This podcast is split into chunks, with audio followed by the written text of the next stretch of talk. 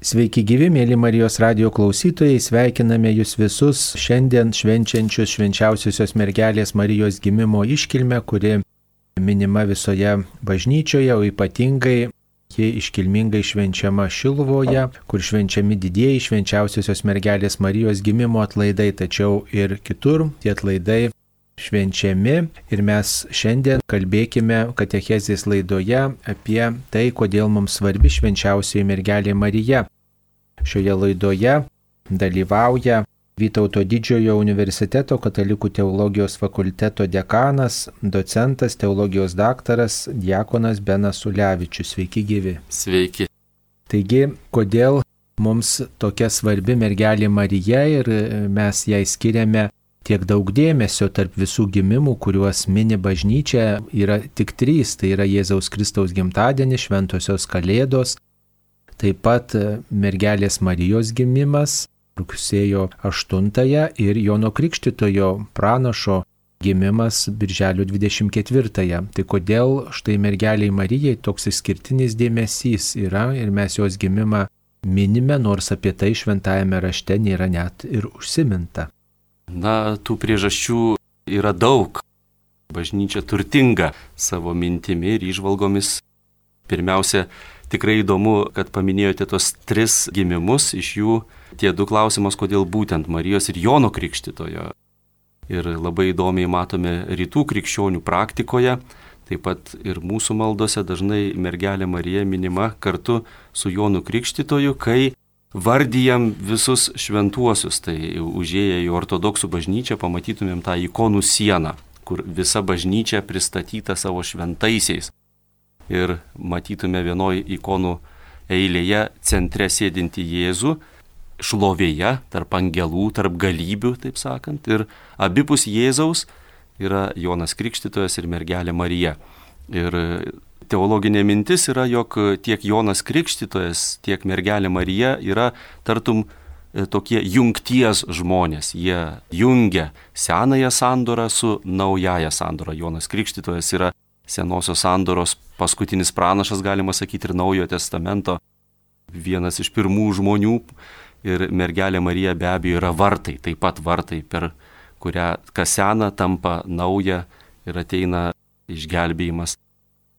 Šiaip daugeliui mūsų turbūt net ir intuityviai ir gana paprastai aišku, kodėl mergelė Marija yra svarbi, nes ji yra mums brangiausio, nuostabiausio gelbėtojo Jėzaus Kristaus mama.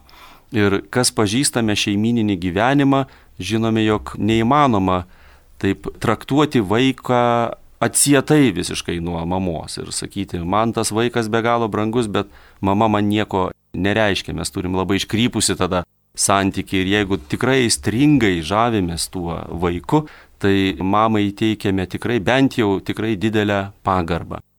Ir labai įdomu, jog medicinos pasaulis dabar mums atskleidžia naujų, dar iki šiol nežinotų duomenų apie motinos ir vaiko ryšį, pavyzdžiui, neštumo metu. Štai neseniai iliustruotame moksle buvo straipsnis, kur sakoma, jog naujausi tyrimai rodo, jog tarp mamos ir kūdikio visada vyksta kamieninių lastelių pasidalymas, cirkuliacija. Mama siunčia savo palaikymą kūdikiui, visas mamos kūnas nešioja kūdikį ir jį brandina, augina, bet iš kūdikio taip pat kamieninės lastelės virkštelė patenka į mamos organizmą ir tikslas yra gydyti mamą, stiprinti imuninę sistemą. Ir todėl kiekviena mama, kuri jau pagimdė vaikus, visą gyvenimą savo organizme nešioja to vaiko kamieninės lasteles. Ir iškart e, galima suprasti štai, ką mes turėjome omenyje. Taip pat intuityviai tą žinojome. Dvasinių požiūrių tą žinojome. O dabar ir medikai patvirtina. Negalime sakyti, kad vaikas yra pilnas Dievo malonės, prigimties, na, o mama tik tais tokia dėžė. Ja galima paskui išmest, padėti šalį, na, sakyti, kokia gera ta dėžė buvo.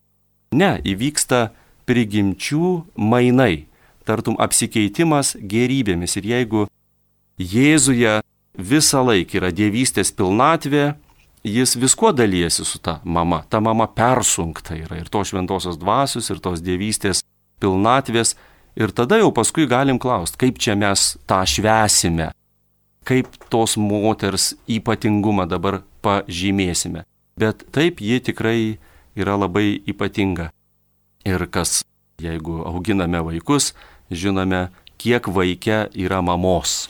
Jei mama neatskirta, jei mama netoli, tada vaikas visą laiką nešioja visas mamos ir įdas, ir dovanas. O šiuo atveju, jeigu mama šventa, tai kūdikio šventumas nėra toksai, Jėzaus Kristaus šventumą kartais įsivaizduojam tokia grinoji Dievo programa, kuri nugalėjo Jėzaus žmogiškumą. Jėzus toks vairuojamas žmogus, jame žmogystės artum nėra. Ne.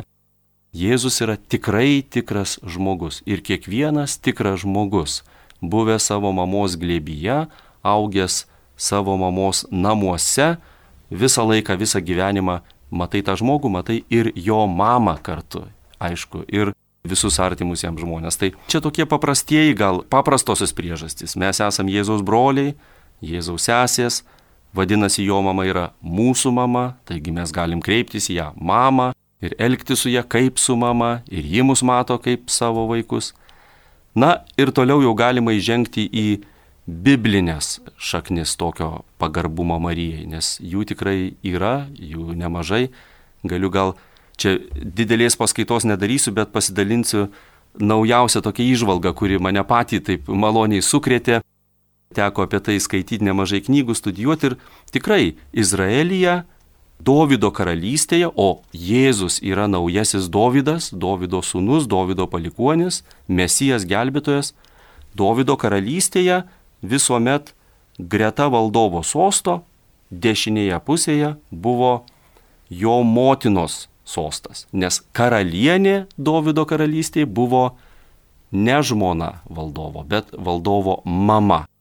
Ir tą matom šventajame rašte labai aiškiai, gal ryškiausiai matytume visi 20 Dovido karalystės valdovų šventajame rašte pristatomi tik tais su savo motina. Pavyzdžiui, minima ir buvo tais metais valdovų tas, Jo mama buvo štai ši ir aš galėčiau čia cituoti daug tų eilučių, galime atsiversti antrą kronikų knygą ir patys pamatysime. Tokia formulė. Valdovas, o jo motina buvo ir paminima mama. Mama buvo svarbi, ji buvo karalienė, karalystėje karalienė svarbi. Ir suprantame, kad nutrūkus Davido dinastijai, jei kažkas sako, štai dabar yra Jėzus, Ješua, jis yra naujasis valdovas, jis atkuria Davido dinastiją, jis yra mesijas. Iškart žydui klausimas, gerai, gerai, o kas yra jo mama, nes valdovas pristatomas su savo motina. Ir staiga atsiverčiame Mato Evangeliją. Ir čia tas geras klausimas, ar tikrai apie Mariją mažai kalbama. Mums atrodo, kad nedaug, bet štai Mato Evangelijos antrajame skyriuje, kur Matas pristato naująjį gelbėtoją, kitaip tariant, Mesiją, valdovą, Dovido dinastijos vaiką. Visur, kur paminėtas kūdikis, jis paminėtas su formulė. Įžengę į namus jie rado kūdikį su motina Marija. Toliau kelkis imk kūdikį jo motiną ir bėk į Egiptą. Atsikėlęs Jozapas paėmė kūdikį ir jo motiną. Ir taip primiktinai labai arti Matas kartoja šitą formulę.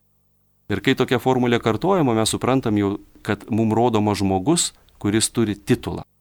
Tai nėra koks Vytauto didžiojo universiteto Juozas Augutis profesorius. Ne, tai yra rektorius Juozas Augutis. Yra prezidentas Valdas Adamkus. Ne šiaip, bet tamsta mokytoja. Taip, tai čia yra valdovo motina, to kūdikio motina Marija. Tai kiekvieną kartą, kai paminim, vadinam mergelę Mariją Jėzaus motina pasakome karališką, valdovišką titulą ir esam pasijuntant tartų e, naujosios Davido karalystės, dangaus ir žemės karalystės piliečiai, stovintys prieš valdovo sostą. Ir vos pamatom valdovo sostą, iš karto greta matom ir jo motinos sostą. Tokia buvo Davido karalystės tvarka, ją Jėzus pripažino, ją Jėzus žinojo, jis jos neneigė ir visiems jo mokiniam tai buvo aišku ir išlikę senieji pasakojimai apie Marijos paėmimą į dangų, apie jos gyvenimą yra šiek tiek duomenų, jie nėra šventajame rašte. Ir ten iškart matom, kad apaštalam Marija brangi, ji yra svarbi. Ir Jėzus ant kryžiaus mes matom tą sceną, kur stovi Jonas ir Marija.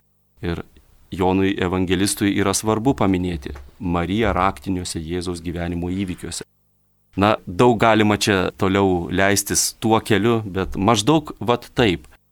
Biblinės tos priežastys Marijos svarbumo, jos labai gilios, labai stiprios ir visus Marijos radio klausytojus raginu tiesiog pasidomėti, pasigilinti ir po to jau žinosim, kad šventas raštas kalba apie Mariją. Sako nelabai statistiškai daug, bet labai gilius ir stiprius dalykus.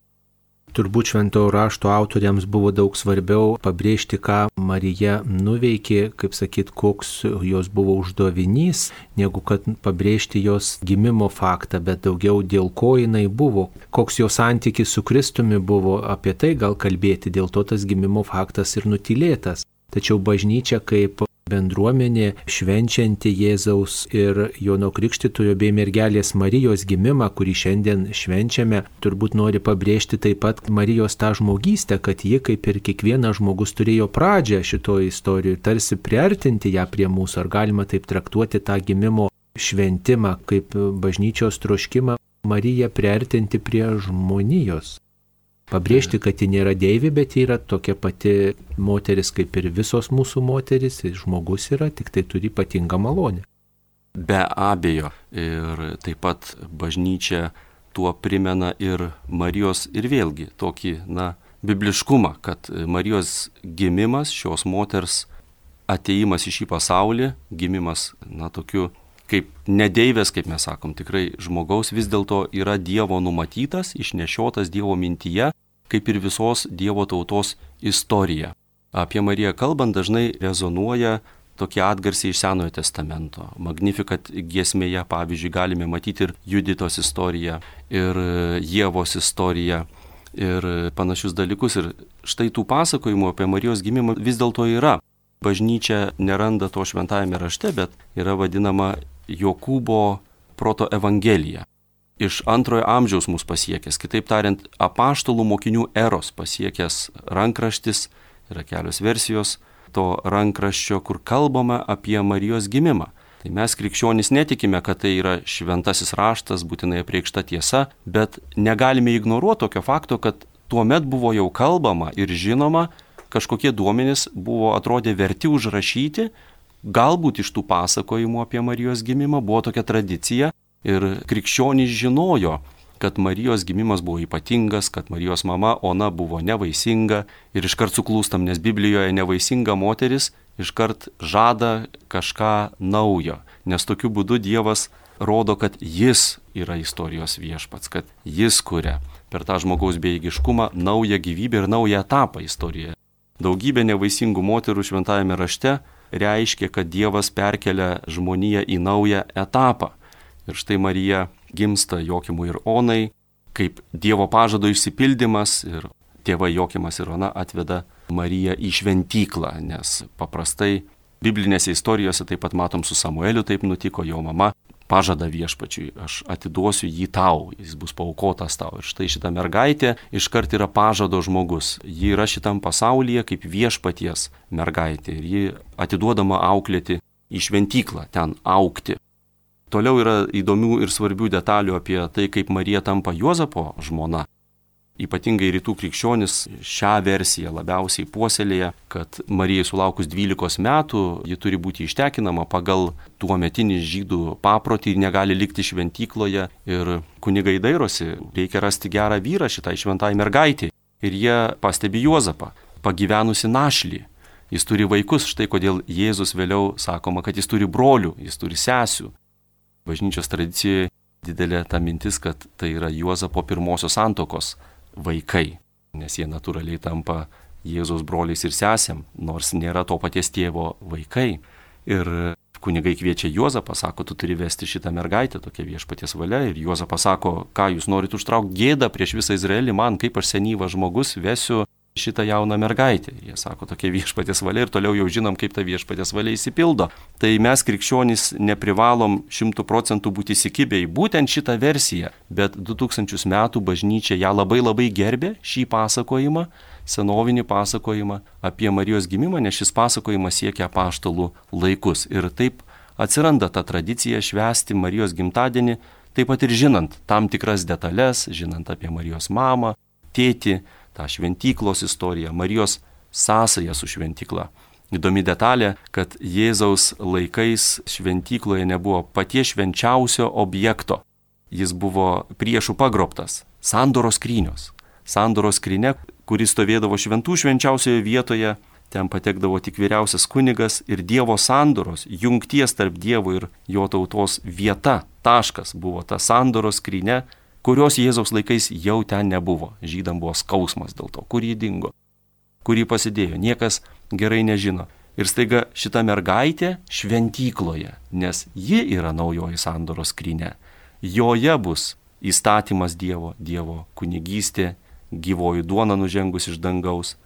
Tie dalykai, kurie buvo laikomi sandoros skrynioje, buvo Arono lasda, plokštė su dešimt Dievo įsakymų ir auksinis indas su mana iš dangaus, kurį Moze išsaugojo ir padėjo į sandoros skrynę.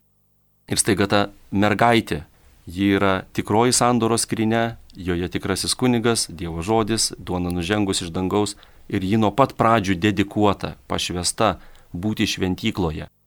Kunigam, kurie ugdė Marija galbūt atrodė, kad šventikla pašventina šitą mergaitę, bet iš tikrųjų ši mergaitė turėjo pašventinti šventyklą. Turim labai gražius Dievo tautos šventumo ir tos mergaitės šventumo, kuri paskui tampa išganytojo motina. Tokius mainus irgi tokia cirkuliacija, gražus žaidimas tarp Dievo malonės veikimo ir kaip Dievas įtraukia žmogui į savo planą. Ir aš jau čia užsivedžiau, kaip sakant, bet pati ryškiausia ir yra Naujajame testamente mintis, kad Dievo malonė, Dievo šventumas kuris gyveno balduose, galim sakyti, štai tokioj skrynioj, šventykloj, žemė Izraelio, tas šventumas pradeda gyventi žmonėse, minkštuose kūnuose, minkštuose širdyse. Ir Marija yra kaip pradininkė, kaip galima sakyti, pirmasis pavyzdys. Štai kas nutinka su žmogum, kuriame apsigyveno Dievas. Tai galima čia taip tęsti labai stipriai ir daug, bet matyti štai tokius dalykus. Dievas tampa žmogumi, ne kambaryje kažkokiam, ne rūmose mes sakom, bet netgi jis tampa žmogumi ne rankų darbo šventykloje, bet minkštame kūne, sieloje. Šitos moters kūne, moters sieloje. Ir taip mes turim pirmą pavyzdį, kuris mums sako, štai kuo tu turi tapti. Tu pats turi būti Dievo žodžio nešiotojas, tavyje, Dievas turi rasti naują gyvenimą šitam pasaulyje. Ir todėl mes Mariją visada vaizduojame centre tarp visų šventųjų, ji yra Dievo įsikūnymo transformuota, perkeista, pirmaujanti. Nenoriu sakyti to žodžio, pionierė mumis turi tokių neigiamų asociacijų, bet šitoj kelionėje mes žengiam paskui ją, mes sekame ją. Pirmeiviai, kaip Pirmeiviai. sakydavo išeiviai. Turbūt visi tie trys gimimai - mergelės Marijos gimimas, Jono Krikštitojo gimimas ir um, taip pat Jėzaus gimimas - gali būti kažkaip gretinami ir turbūt jie turi tokį vieną panašumą. Jie yra visi tam tikras paliudijimas mūsų istorijoje, šventam rašte, kad Dievui nėra neįmanomų dalykų ir kad tie neįmanomi dalykai gali virsti tikrovę. Ar toks požiūris, toks sugretinimas visų šitų trijų gimimų būtų išmintingas, teisingas? Taip, be abejo. Čia mes šokame net į labai didelį ir plačią bažnyčios pasaulyje žiūros mintį kai kalbam apie visą mūsų pasaulio raidą, kelionę. Šiandien mes naudojam tą žodį evoliucija, sakom, ir daugelis mūsų tikime tą hipotezę mokslinę. Iš tikrųjų tai yra tokia mokslinė teorija, kad šita tikrovė, ji gerai pagrįsta, ne iki galo, bet pagrįsta, kad šitas pasaulis atsirado iš tokių pradmenų ir tie pradmenys vystėsi. Ir mes katalikai tikime, kad tai yra labai įmanoma. Dievas lipdė žmogaus molį, tą molį, iš kurio sukūrė žmogų per daugybę epochų, iš žvaigždžių dulkių, galima sakyti, žemės dulkių.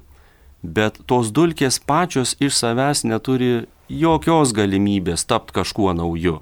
Jos gali tik sugest, jos gali tik susipainiot ir pagimdyti daugiau chaoso, bet tapti kažkuo sudėtingesniu, vis protingesniu, sąmoningesniu dalyku, laisvesniu dalyku, įgyti laisvę, įgyti gebėjimą ne šiaip tūnoti, bet ir ne šiaip ryti, valgyti, daugintis, net ir tai labai jau ypatingi dalykai, bet laisvai rinktis mylėti arba nekesti nuodėmę arba šventumą, tarp asmeninį sąmoningą ryšį arba tokį nuosmenintą ryšį, tos dulkės neturi jokios galimybės į savęs. Tai yra procesas, kurį kaip kardinolas Ratzingeris rašė knygoje Krikščionybės įvadas, šitas evoliucijos procesas pinamas iš viršaus. Dievas įdeda į kūrinėje tokią trauką, kad kūrinėje būtų traukiama į Dievą. Ir taptų vis labiau panašiai į Dievą, kuris yra išmintingas, laisvas, sąmoningas, mylintis, tikras, gyvas.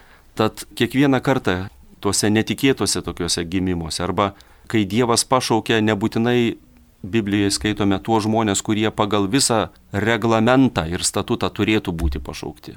Būtinai pirmgimis. Ne, yra žmonės, kurie ypatinga tvarka Dievo yra išrinkti. Pavyzdžiui, pagonys, ne vien Izraelio vaikai ne vien pirmieji, bet antragimiai. Jokūbas tam tikrą prasme juk yra antragimis. Ezavas yra pirmgimis.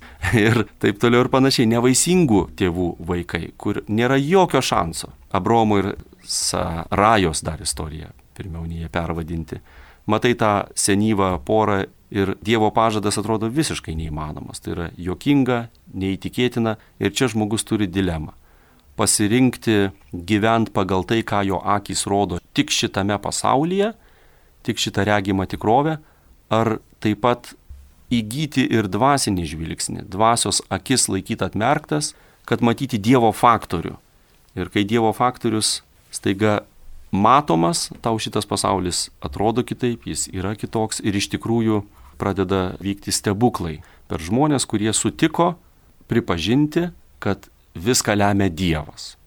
Tai čia didelė pamoka mums, didelis įkvėpimas, didelis padrasinimas įvairiose krizėse, nelaimėse, išmėginimuose. Jie nuolat yra ir gali būti, kad jie turi pedagoginę tokią prasme. Tai yra šansas žmogui atverti duris Dievo aktyvumui. Aš darau viską, kas mano jėgose, kad įgyvendinčiau Dievo meilę šitam pasaulyje. Bet aš atveriu duris Dievo aktyvumui, nes jei Dievas nestato namų, statytojai veltui vargsta. Tai visos tos istorijos - Jono gimimas, Marijos gimimas, na be abejo Jėzaus gimimas tai yra jau prototipas visų tų istorijų. Taip, Dievas įeina į šitą istoriją su savo planu ir tada mes pamatom, kad viskas buvo vairuojama Dievo, bet ne viską mes supratom, ne viską mes galim pažinti. Turbūt tarp mūsų ir mūsų kūdikių yra daug mažesnė praraja nei tarp mūsų ir Dievo. O mūsų kūdikiai mes juos mylim, bet jie labai nedaug gali suprasti apie mūsų planus, apie mūsų ekonominę kokią sistemą, kaip tas tėtis su mama ten gyvena, ką jie veikia darbe išėję. Vaikas, jis nieko nieko nesupranta, bet jis turi santykiai, jis yra mylimas. Manau, kad mes daug mažiau supratingi netgi už Dievą nei mūsų kūdikiai už mus. Tai pasitikėjimas yra mūsų išgelbėjimas. Vienintelis išgelbėjimas tiesiog džiaugtis santykiu, džiaugtis ryšiu ir žinot, kad jis žino. Iš visų tų minimų švenčių įvykių mes visi kažko mokomės. Mums kažkokia tokia pedagoginė žinia yra. Ja atrandame šventajam rašte, dvasinė žinia, pedagoginė žinia, galbūt tam tikra tokia yra patariamoji tokia žinia, motyvas vengti vienų dalykų arba siekti kitų, į ką mus galėtų kviesti štai mergelės Marijos gimimas. Aišku, tą aspektą šiek tiek aptarėm, kad tai yra neįmanomų dalykų įsipildymas ir tokį atvirumą Dievui yra gera turėti. Ką dar mes galėtume švesdami šią šventę pritaikyti savo iš mergelės Marijos gyvenimo, iš šito fakto galbūt mergelės Marijos gimimo ar dar iš kokių kitų aplinkybių, kurios gali būti atrandamo šioje iškilmėje? Na, manau, be galo daug dalykų, bet pirmi, kurie ateina dabar į mintį, tai yra mergelė, kuri buvo nuo vaikystės šventyklos aplinkoje ir taip pat numatyta Dievo. Tai manyčiau, kadangi jau taip Naujajame testamente viskas iš Dievo tautos juda į konkretų žmogų ir į kiekvieną iš mūsų, juk sakoma, kad mes jau tampame Dievo šventykla, tai mes galim savo kiekvienas pritaikyti šitą modelį, jį apmastyti, jį kontempliuoti. Aš esu šitam pasaulyje, ne kaip atsitiktinė klaida, kažkoks tėvų susipainiojimas, hormonų audros rezultatas. Ne, aš esu numatytas, lauktas ir pagimdytas Dievo šitame pasaulyje, tartum šventykloje. Dievo pirmoji mintis apie kūrinyje, ši kūrinyje yra Dievo didžioji šventykla, ir mes kiekvienas joje turim elgtis atsakingai tartum šventi kunigai tarnaujantis šventykloje. Ir visa bažnyčios tarnaujančioji kunigystė, kunigai, kurie prie altoriaus aukoja Eucharistinę auką, jų tikslas tarnauti kiekvienam pasauliečiui tikinčiajam, būti geru, geru Kristaus kunigystės nešėjų. Mes pašaukti savo kūnus aukoti kaip tyra auka, savo mintis aukoti kaip tyra auka Dievui. Tai visada tą galime daryti turėdami omenyje štai šią mergelę. Ji buvo numatyta, laukta, paruošta, apsaugota šventykloje, pakviesta ir pašaukta į misiją, kurios savo jėgomis negalėjo įvykdyti, bet jai tai reikėjo būti gerų laidininku, gera bendradarbė. Mes katalikai tikim, kad galim bendradarbiauti su malone. Manyčiau labai drąsinanti mintis psichoterapeutų dabar yra be galo, be galo daug. Labai populiaru ieškoti pagalbos pas psichoterapeutą. Ir e, turbūt geras dalykas, bet ką pirmiausiai žmogus išgirsta pas psichoterapeutą. Jei psichoterapeutas geras, be abejo, na, mėgina ieškoti visgi, ar yra kažkokia prasmė mano gyvenime. Man mane ištiko tiek smūgių, tiek suspaudimų, man atrodo, kad aš jau negaliu toliau judėti. Gal čia viskas yra neprasminga, gal aš niekam nereikalingas, gal niekas apie mane nežino. Ir kaip man rasti tą savivertę vėl atstatyti dažnu atveju? Ir rasti motivaciją žengti dar vieną žingsnį pirmin.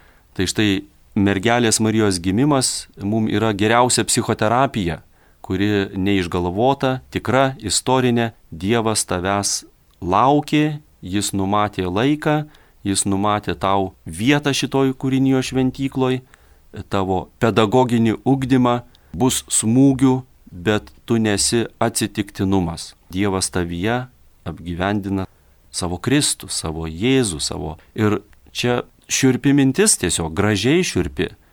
Mėlyjei klausytojai, jumise gyvena Jėzus Kristus. Tai nėra kitoks Jėzus Kristus nei tas, kurį mergelė Marija nešiojo iščiose jis nėra 30 procentų Kristus. Mes dažnai esam tokie mažiau gebantis išnešioti, mažiau gebantis jį savyje branginti. Mergelė Marija brangino jį, išnešiojo jį ir ji turėjo tą motino šimtaprocentinę vienybę su savo dieviškuoju turtu, tuo kūdikiu, tuo Jėzumi gelbėtoju. Tai užtektų vien šitos minties, kad mes taptume šventi ir štai kokie mes esam tingus, ar ne, kad tos minties mums nepakanka mes nešiojam savyje tą patį Dievo žodį, tą patį Jėzų Kristų ir turėtumėm būti sėkmingiau neišti juo tiesiog. Jis turi gimti iš mūsų, iš šitą pasaulį, turime mokytis iš Marijos neštumo. Tai teologai sako, kad bažnyčios prigimtis yra moteriška kaip tokios, nes visa bažnyčia, kaip bendryje, kaip giminiška bendruomenė, bažnyčia yra neščia Dievu, neščia dvasia, neščia Kristumi ir gimdo Kristų pasaulį. Turbūt ši mintis būtų pagrindinė, kuri dabar į mintį man ateina. Galvojant apie Marijos gimimą, jos numatymą, jos apvalymą nuo nuodėmės, kitas liepinys čia susijęs. Marija paruošta nešioti Kristų, nes jau sakiau, kad ji yra naujoji sandoros skryne, bet Senajame testamente, senosiuose istorijose, kai paskaitome apie sandoros skrynę, suprantam, kad tai yra toks galios objektas. Sandoros skrynioje yra šventi dalykai, todėl to sandoros skrynios negali priliesti nuodėmingas žmogus. Jis gauna Dievo smūgį. Ir istorijose, kur žmonės paliečia sandoros skrynę, net ir nieko blogo nenorėdami, sandoros skrynė duoda šventumo išlydį, persikelia tas šventumas į tą žmogų ir dažnu atveju žmogus nesugeba pakelt tokio Dievo šlovės krūvio ir jo kūnas krenta negyvas, žmogus miršta. Tai štai kodėl mes tikim, kad ta Marija nuo pat gimimo buvo apsaugota, nuo pat pradėjimo buvo apsaugota nuo nešventumo, nuo nuodėmės. nes ji būtų negebėjusi savyje išnešiot tą Dievo pilnatvę. Ji taip pat būtų kritus negyva, kai angelas ją pasveikino. Tačiau matome, kad jos atveju ji padaryta pajėgi nešioti Dievą. Ir tai netgi mums mintis, mes turime atgailos sakramentą, mes turim visas priemonės bažnyčioje, Dievas mums jas teikia, kad taptume pajėgus, būtume pajėgus savyje tiek erdvės padaryti, kad Dievo šventumas, šlovė, kuri žudo visą, kas nešventa, kad vis dėlto ta šlovė mumise rastų daugiau vietos ir vis labiau skleistusi. Turim tapti panašesni į Mariją, paprastai kalbant. Kai kurie žmonės, net ir katalikų bažnyčioje, truputį pavydžiai žiūri į mergelę Mariją, kad ji ypatinga tokia malonė, apsauga turėjo nuo tos gimtosios nuodėmės.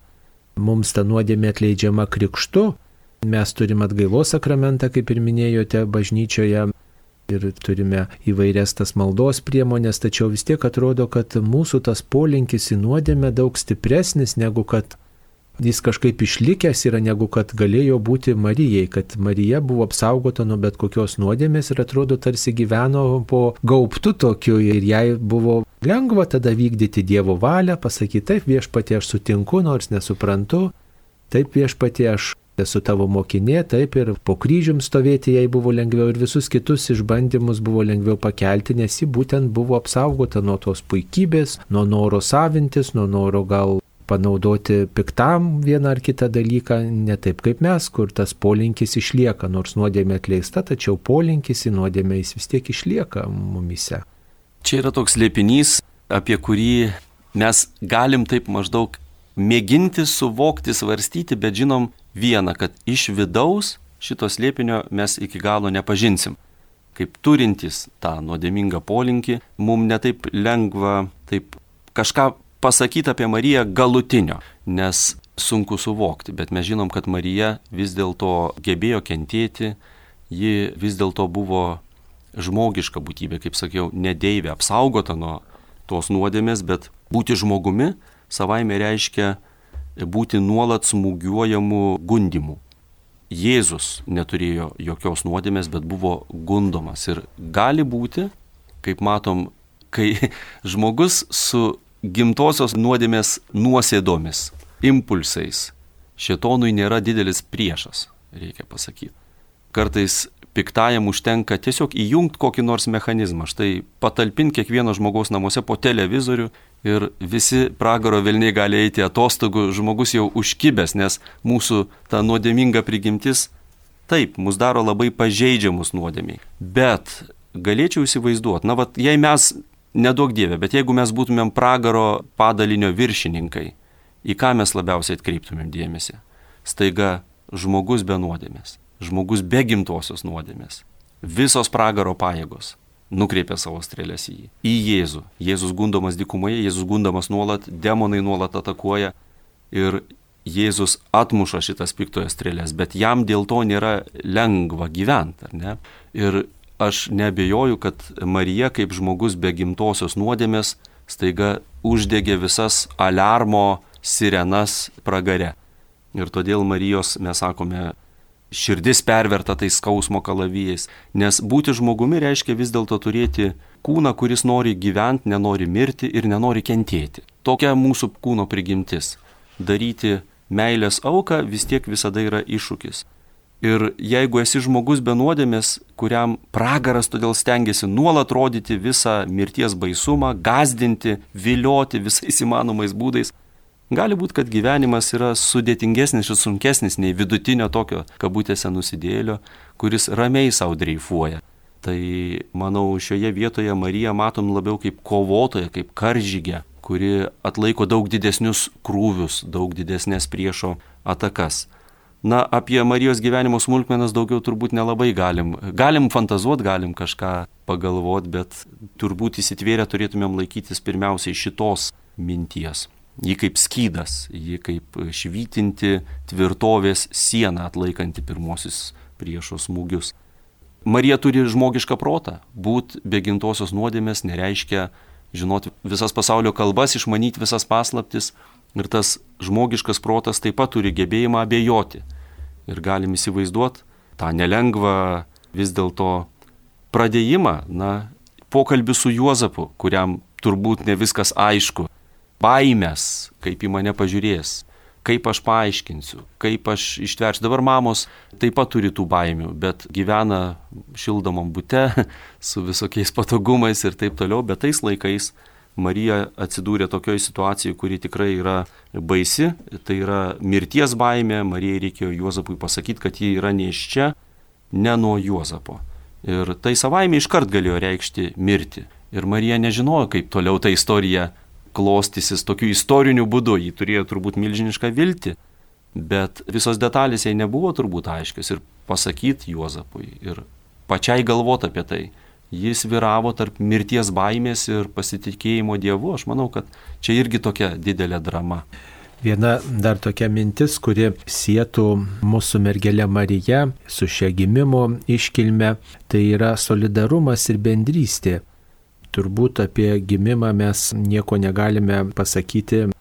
Tik apie Jėzaus gimimą rašoma šventam rašte ir apie Jono Krikštitojo gimimą, o apie mergelės Marijos gimimą nieko nerandame, tačiau labai gražūs paskutiniai švento rašto žodžiai, kurie susijęs su mergelė Marija, tai kad jinai kartu su apaštalais laukia šventosios dvasios ir dažnai klausytojai teiraujasi, sako, o kodėl Marijai reikėjo to šventosios dvasios, juk ji buvo paliesta, kaip sakant, didžiausia iškrova, didžiausias toks dvasios prisilietimas, intimiausias buvo, kai ją pridengė šventoji dvasia ir ji tapo neščia, sulaukė to ypatingo vaikelio savo iščiose. Tai tiesiog jau atrodo tas dvasios perteklius jau galėtų būti visą gyvenimą, tačiau su apaštalais jį kartu paskutinės vakarienės menėje kambaryje meldėsi ir būdėjo ir tą šventasis raštas pažymė. Tai savotiškai nerandam apie Marijos gimimo pradžią, apie gimimą, bet štai va tas bažnyčios gimimas užfiksuotas ir jame dalyvauja Marija. Tai toks solidarumas Marijos gyvenime turbūt be ne pagrindinis bruožas ir turbūt tas solidarumas iš Marijos gyvenimo taip pat galėtų būti mums nebloga pamoka, kad mumyse taip pat to solidarumo su kitais krikščionėmis, solidarumo su įvairiais krikščionėms, solidarumo su žmonėje būtų daugiau įvairiose srityse. Ar sutinkate? Be abejo, tai tokia labai gili išvalga bažnyčios į pasakojimus apie Naujajame testamente pripildymus dvasia. Netgi klausimas aštresnis, o kam Jėzui tada reikėjo, kad šventoji dvasia ant jo nužengtų? Jisgi Dievo sūnus. Ir iš tikrųjų, jeigu taip prisimerkę, skenuojame, perbėgame per, pavyzdžiui, Mato Evangelijos pirmosius puslapius, pamatome, kad visi Jėzaus gyvenimo įvykiai, kurie čia pradžioj pasakojami, įtraukiant ir Mariją, Marija čia taip pat yra, kaip jau minėjau, kūdikis yra su jo motina, ir kas vyksta toliau, tai yra toks pakartojimas viename asmenyje, Jėzaus asmenyje visos Izraelio istorijos. Nes Jėzus įžengė į vandenį ir tada tame vandenyje ant jo nužengė Dievo ugnis, šventoji dvasia. Kaip pradžioje pasaulis buvo kuriamas. Virš vandens sklandė dvasia, pleveno dvasia, tada išėję iš Egipto, izraelitai perėjo per jūrą ir buvo panardinti arba sekė ugnies tulpą ir prie Sinaus juos ištiko ugnis, ugnis tai visada simbolizuoja dvasę ir tada jie buvo vedami į dykumą, kad būtų gundomi, kad taptų brandžia Dievo tauta ir vėliau tampa šventyklos tauta, kur angelai šventykloje tarnauja tautai, kad ji būtų šventinama ir taip toliau ir panašiai. Tai šituo atveju matome, kad Jėzus ir žmonės tampa kažkokiu tai būdu, jie yra viena.